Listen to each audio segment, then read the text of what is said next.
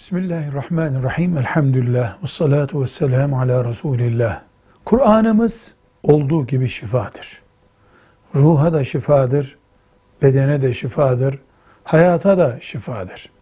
Özellikle filan ayet veya filan sure filanca hastalık için iyi gelir şeklinde bir söz söylenebilir mi? Söylenebilir.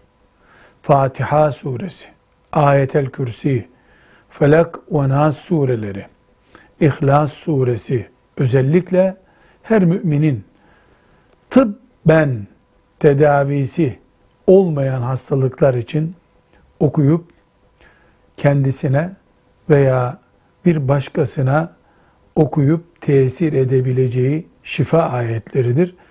Kur'an-ı Kerim kendisini şifa olarak tanıtıyor. Ashab-ı kiram Resulullah sallallahu aleyhi ve sellem'den şifa için ayetler öğrendiler, okudular, uyguladılar. Biz de yaparız. Velhamdülillahi Rabbil alemin.